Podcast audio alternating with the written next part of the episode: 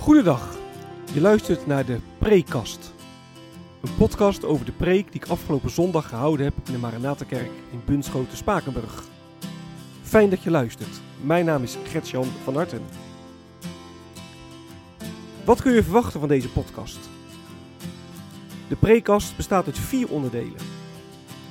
Ik begin met een korte introductie van de tekst waarover ik gepreekt heb. Vervolgens geef ik een korte samenvatting van de preek zelf. En met korte samenvatting bedoel ik ook echt kort. Tijdens mijn opleiding heb ik geleerd dat preken schrappen is. Niet alles wat je in de voorbereiding gevonden en bedacht hebt, kan terugkomen in de preek. Wat heb ik laten liggen wat het overdenken wellicht waard is? Daar wil ik het over hebben in het derde deel van de preekkast. En tenslotte sluit de preekkast af met een aantal verwerkingsvragen. Vragen die je kunnen helpen om de preek te overdenken en of toe te passen. Ik wens je veel luisterplezier.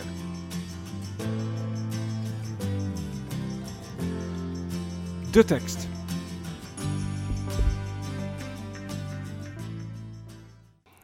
De preek ging over Matthäus 22, vers 23 tot en met 33. En het is de derde en laatste preek in een uh, prekenserie over Matthäus 22. En we lezen daar dat um, de Sadduceeën bij Jezus komen. En de Sadduceeën die geloofden niet dat er een opstanding uit de dood was.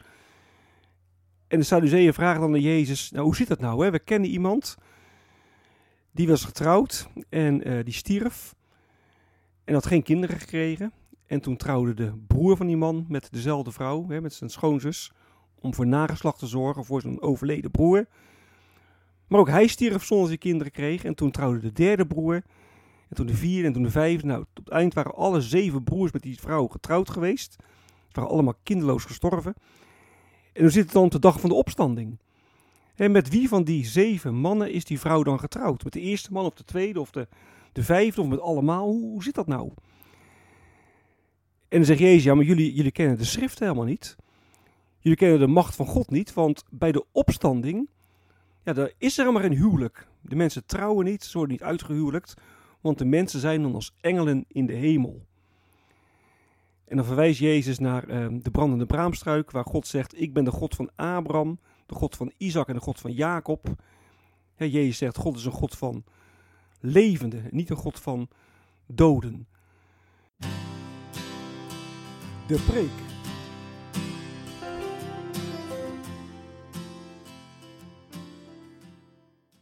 Ik heb de preek als thema meegegeven. Wij leven vol verwachting. En ik begon de preek met het citeren uit een, uh, een lied van Freek de Jonge. Dat lied heet Leven na de dood. En Freek de Jonge die zingt dan: Rij rustig door oranje en geef extra gas bij rood. Er is leven, er is leven na de dood. En Freek de Jonge die probeert in zijn liedje duidelijk te maken dat het onzinnig is om te geloven in een leven na de dood. Dood is dood en met de dood houdt het allemaal op. Nou, dat geloofden de Sadduceeën ook. En de Sadduceeën waren de zogenaamde verlichte geestelijke leiders van het volk. Ze vormden samen met de Fariseeën het, het Sanhedrin, het Joodse gerechtshof. En ze waren minder populair bij het volk dan de Fariseeën, maar ze hadden wel meer politieke invloed en politieke macht. Dat was eigenlijk de, ja, de geestelijke elite van het volk. En de Sadduceeën erkenden alleen de vijf boeken van Mozes: hè, Genesis, Exodus, Leviticus, Numeri en Deuteronomium. En behalve het bestaan van uh, engelen ontkenden ze ook uh, de opstanding. Dood is dood. Er is geen opstanding uit de dood. Geen leven na de dood. En met een extreem voorbeeld hè, proberen ze het geloof in de opstanding belachelijk te maken. Ze gaan naar Jezus toe en zeggen: nou, er was een vrouw die achtereenvolgens met zeven broers getrouwd was geweest. Nou, met wie zal ze dan getrouwd zijn bij de opstanding? Als er een opstanding is, ja, met wie moet ze dan trouwen? Met de eerste broer of de tweede of met alle zeven? Zeg het maar. En dan verwijst Jezus naar de geschiedenis van de, van de brandende braamstruik. Dat kun je lezen in Exodus 3. En daar zegt God tegen Mozes dat hij de God van Abraham, van Isaac en van Jacob is. Nou, deze drie mannen, hè, Abraham, Isaac en Jacob, die waren lang gestorven. Maar toch noemt God zich hun God. Nou, God die verbindt zich echter niet aan doden. Hij is de levende God. God heeft een verbond gesloten met mensen. En dat verbond dat is sterker dan de dood. En de kinderen van God, de mensen aan wie God zich verbindt, die blijven aan hem verbonden. Ook na de dood. En je kunt ook zeggen, de vraag of er leven na de dood is, is eigenlijk ja, cruciaal. En Gods naam staat op het spel. En dan zegt Jezus in vers 29, u, u kent de schriften niet. Nou, dat betekent niet dat de Sadduceeën niet wisten wat er in de Torah stond. Dat wisten ze natuurlijk heel erg goed. Het waren schriftgeleerden, die wisten echt wel wat er in de boeken van Mozes stond. Maar als Jezus zegt, u kent de schrift niet, dan bedoelt Jezus, ja, u kent God niet. En jullie hebben niet door dat God de levende God is, de God die zich verbindt aan mensen. En het evangelie laat zien dat God dat in en door Jezus Christus doet. Jezus Christus die de dood overwon om ons eeuwig leven te kunnen geven. En dan zegt Jezus bij, bij de opstanding trouwen de mensen niet. ze zijn dan als de engelen. Je vers 30 lezen. Nou, de engelen die dienen God en de engelen zijn er echt op gefocust om God te gehoorzamen. Nou, wij zullen zijn als de engelen. Het is ook onze roeping om echt op God gefocust te zijn en om Hem te gehoorzamen. Dat is ook de reden dat God ons geschapen heeft. En straks bij de opstanding dan zullen we net als de engelen God volmaakt dienen. En daar mogen we ook nu en hier en nu al mee beginnen. Het is niet alleen maar toekomstmuziek. Vandaag de dag mogen we al als kinderen van Gods koninkrijk echt volmaakt voor God leven, op Hem gefocust zijn. En onder de leiding van Gods geest mogen we daar ook in, in groeien. En Jezus zegt ook, bij de opstanding trouwen de mensen niet. En daarmee relativeert Jezus het huwelijk. op de nieuwe aarde is geen huwelijk meer. En daarmee bedoelt Jezus niet dat het huwelijk slecht is. Nee, het huwelijk is een instelling van God, hè, beleiden als kerk. Maar Jezus bedoelt, straks bij de opstanding zijn we als de engelen. We zijn echt helemaal volledig voor 100% op God gericht. En op de een of andere, een of andere manier komt die gerichtheid, komt die gerichtheid op God hè, in de plaats van de gerichtheid op onze huwelijkspartner. Hè, bij de opstanding heeft God zijn, zijn doel met de schepping bereikt. Hè, de noodzaak van voortplanting, die is er dan ook niet meer. Heel de aarde is dan vol met mensen die hem dienen. Nou, Jezus herinnert ons eraan dat wij voorbestemd zijn om vanuit liefde te leven. En daarmee geeft hij ons huiswerk. Niet om zuchtend en steunend aan de slag te gaan, maar in het geloof en vertrouwen dat ja, dit is wat God met ons voor heeft. Echt leven vanuit liefde. Nou, daarin mogen we groeien. En bij de opstanding zal het volmaakt zijn, want dan zijn we als de engelen. En met dat vooruitzicht mogen wij leven en zo leven wij vol verwachting. Wat is blijven liggen?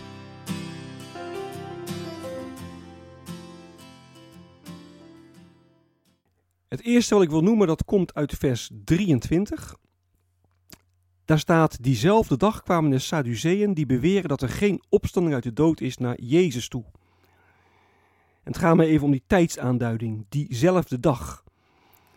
En dat is de dag waarop ook de Fariseeën en Herodianen bij Jezus geweest waren, om Jezus ten val te brengen hè, met de vraag van, moet je de keizer wel of geen belasting betalen? Dat staat in de verse voorafgaand aan het tekstgedeelte. En die fariseeën en die herodianen die zijn nog niet weg bij wijze van spreken of de Sadduceeën komen al. Ook om Jezus uh, nou, uh, het moeilijk te maken. En na het tekstgedeelte dan lees je dat de fariseeën opnieuw komen om, om Jezus op de proef te stellen. Dat is ook een enorm lijden voor Jezus. Het houdt niet op. De ene aanval is nog niet voorbij of de andere aanval die komt al. En ik kan me voorstellen dat je in de lijdenstijd, als je in de lijdenstijd over dit bijbelgedeelte preekt, ja, dat je daar wat meer de focus op legt. Het continue lijden van onze heiland. Steeds wordt hij aangevallen door, ja, door de geestelijke leiders, door de mensen die ja, als het ware tussen God en het volk instonden. De leiders die het goede voorbeeld moesten geven, de leiders die ja, moesten voorleven hoe het is om met de Heer te leven. De leiders die het volk, de geestelijke leiders die het volk ook steeds moesten oproepen om met God te leven. Nou, die leiders laten enorm afweten. En ze vallen Jezus, de Messias, de Zoon van God aan. Een enorm lijden voor onze heiland. En het tweede wat ik wil noemen, dat is het punt van de engelen. Jezus zegt, bij de opstanding zijn de mensen als de engelen in de hemel. je kunt ook in de preek natuurlijk veel meer over engelen zeggen. Wat zijn engelen? Wat doen engelen? Wat, ja, wat merk je vandaag van engelen? Wat, hoe zit dat nou met, met, met engelen? Je natuurlijk heel veel over zeggen. Daar zou je een aparte preek over kunnen maken. Ik heb daar nu uh, niet zo heel veel over gezegd. Ik heb nu eigenlijk één aspect genomen. Ik denk een van de belangrijkste aspecten wel. Namelijk dat engelen echt helemaal gericht zijn op de eer van God. Dat engelen God willen dienen, daarop gespitst zijn. Dat heb ik uh, genoemd en daar heb ik een, een, een move aan gewijd. Maar over engelen zou je dus veel meer kunnen zeggen. Een aantal jaar geleden, denk een jaar of twee, drie geleden, heb ik ook een keer een, uh, een themapreek over engelen gehouden. En het derde en het laatste punt dat ik wil noemen, dat is het huwelijk. He, Jezus zegt, bij de opstanding trouwen de mensen niet. Ze worden ook niet uitgehuwelijkt. Op de nieuwe aarde is er geen plek meer voor, voor het huwelijk. Nou, wat betekent dat voor ons nadenken vandaag de dag over het huwelijk? Jezus relativeert het huwelijk enorm. Wat betekent dat? in de Rooms-Katholieke Kerk is het huwelijk een sacrament. Nou, in de Protestantse Kerk niet. Dat heeft ook ongetwijfeld hiermee uh, te maken, met, met, met dit schriftgedeelte. Maar wat is nou het doel van het huwelijk? Het doel van het huwelijk is toch niet alleen maar voortplanting. Je hebt nieuwe aarde, hoeft niet voor te planten. Daarom is er geen huwelijk meer nodig. Maar het huwelijk is toch veel, veel breder dan alleen maar voortplanting. Hè? Het is ook iets van laten zien van wie God is, zijn trouw, zijn liefde. Het is geborgenheid zoeken bij elkaar, intimiteit. Nou, dat verandert, dat verdwijnt, dat ja, wordt op een hoger plan getild. Daar kun je ook op zich ook veel meer uh, over zeggen. Wat betekent deze, deze, dit tekstgedeelte voor onze visie op het huwelijk? Verwerkingsvragen.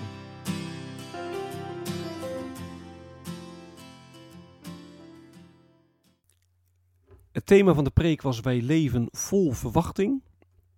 En de eerste vraag die sluit bij het thema aan, want de eerste vraag luidt: in hoeverre leef je nu echt in de verwachting van de opstanding? En kijk je echt vol verwachting uit naar de komst van Gods koninkrijk? En zo ja, waaruit blijkt dat dan? Hoe beïnvloedt dat je leven? Hoe beïnvloedt dat de keuzes die je op allerlei gebied maakt? De tweede vraag is: wat vind je ervan dat er op de nieuwe aarde geen huwelijken meer zijn? Ja, Jezus zegt bij de opstanding trouwen de mensen niet en ze worden niet uitgehuwelijkt. Vers 30. Nou, wat, wat vind je daarvan? De derde vraag is: denk je dat je je man of vrouw bij de opstanding zult herkennen? En zul je dan nog ja, jezelf herinneren: hey, dat was mijn man, of dat was mijn vrouw? Of hoe, hoe zal het zijn? Denk je dat er herkenning is? En de laatste vraag die ik uh, wil stellen is: hoe kun je nu echt groeien in het leven vanuit liefde? Bij de opstanding zullen we zijn als de engelen. We zullen God volmaakt dienen. We zullen God volmaakt liefhebben. Elkaar volmaakt liefhebben. Maar het is niet alleen maar toekomstmuziek. We mogen daar ons nu al in oefenen. We mogen er nu al in groeien onder leiding van de geest.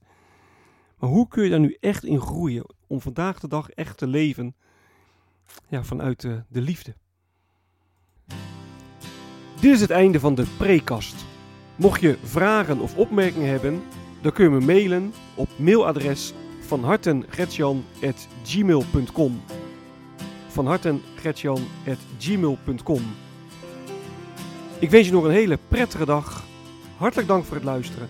En wie weet, tot een volgende keer.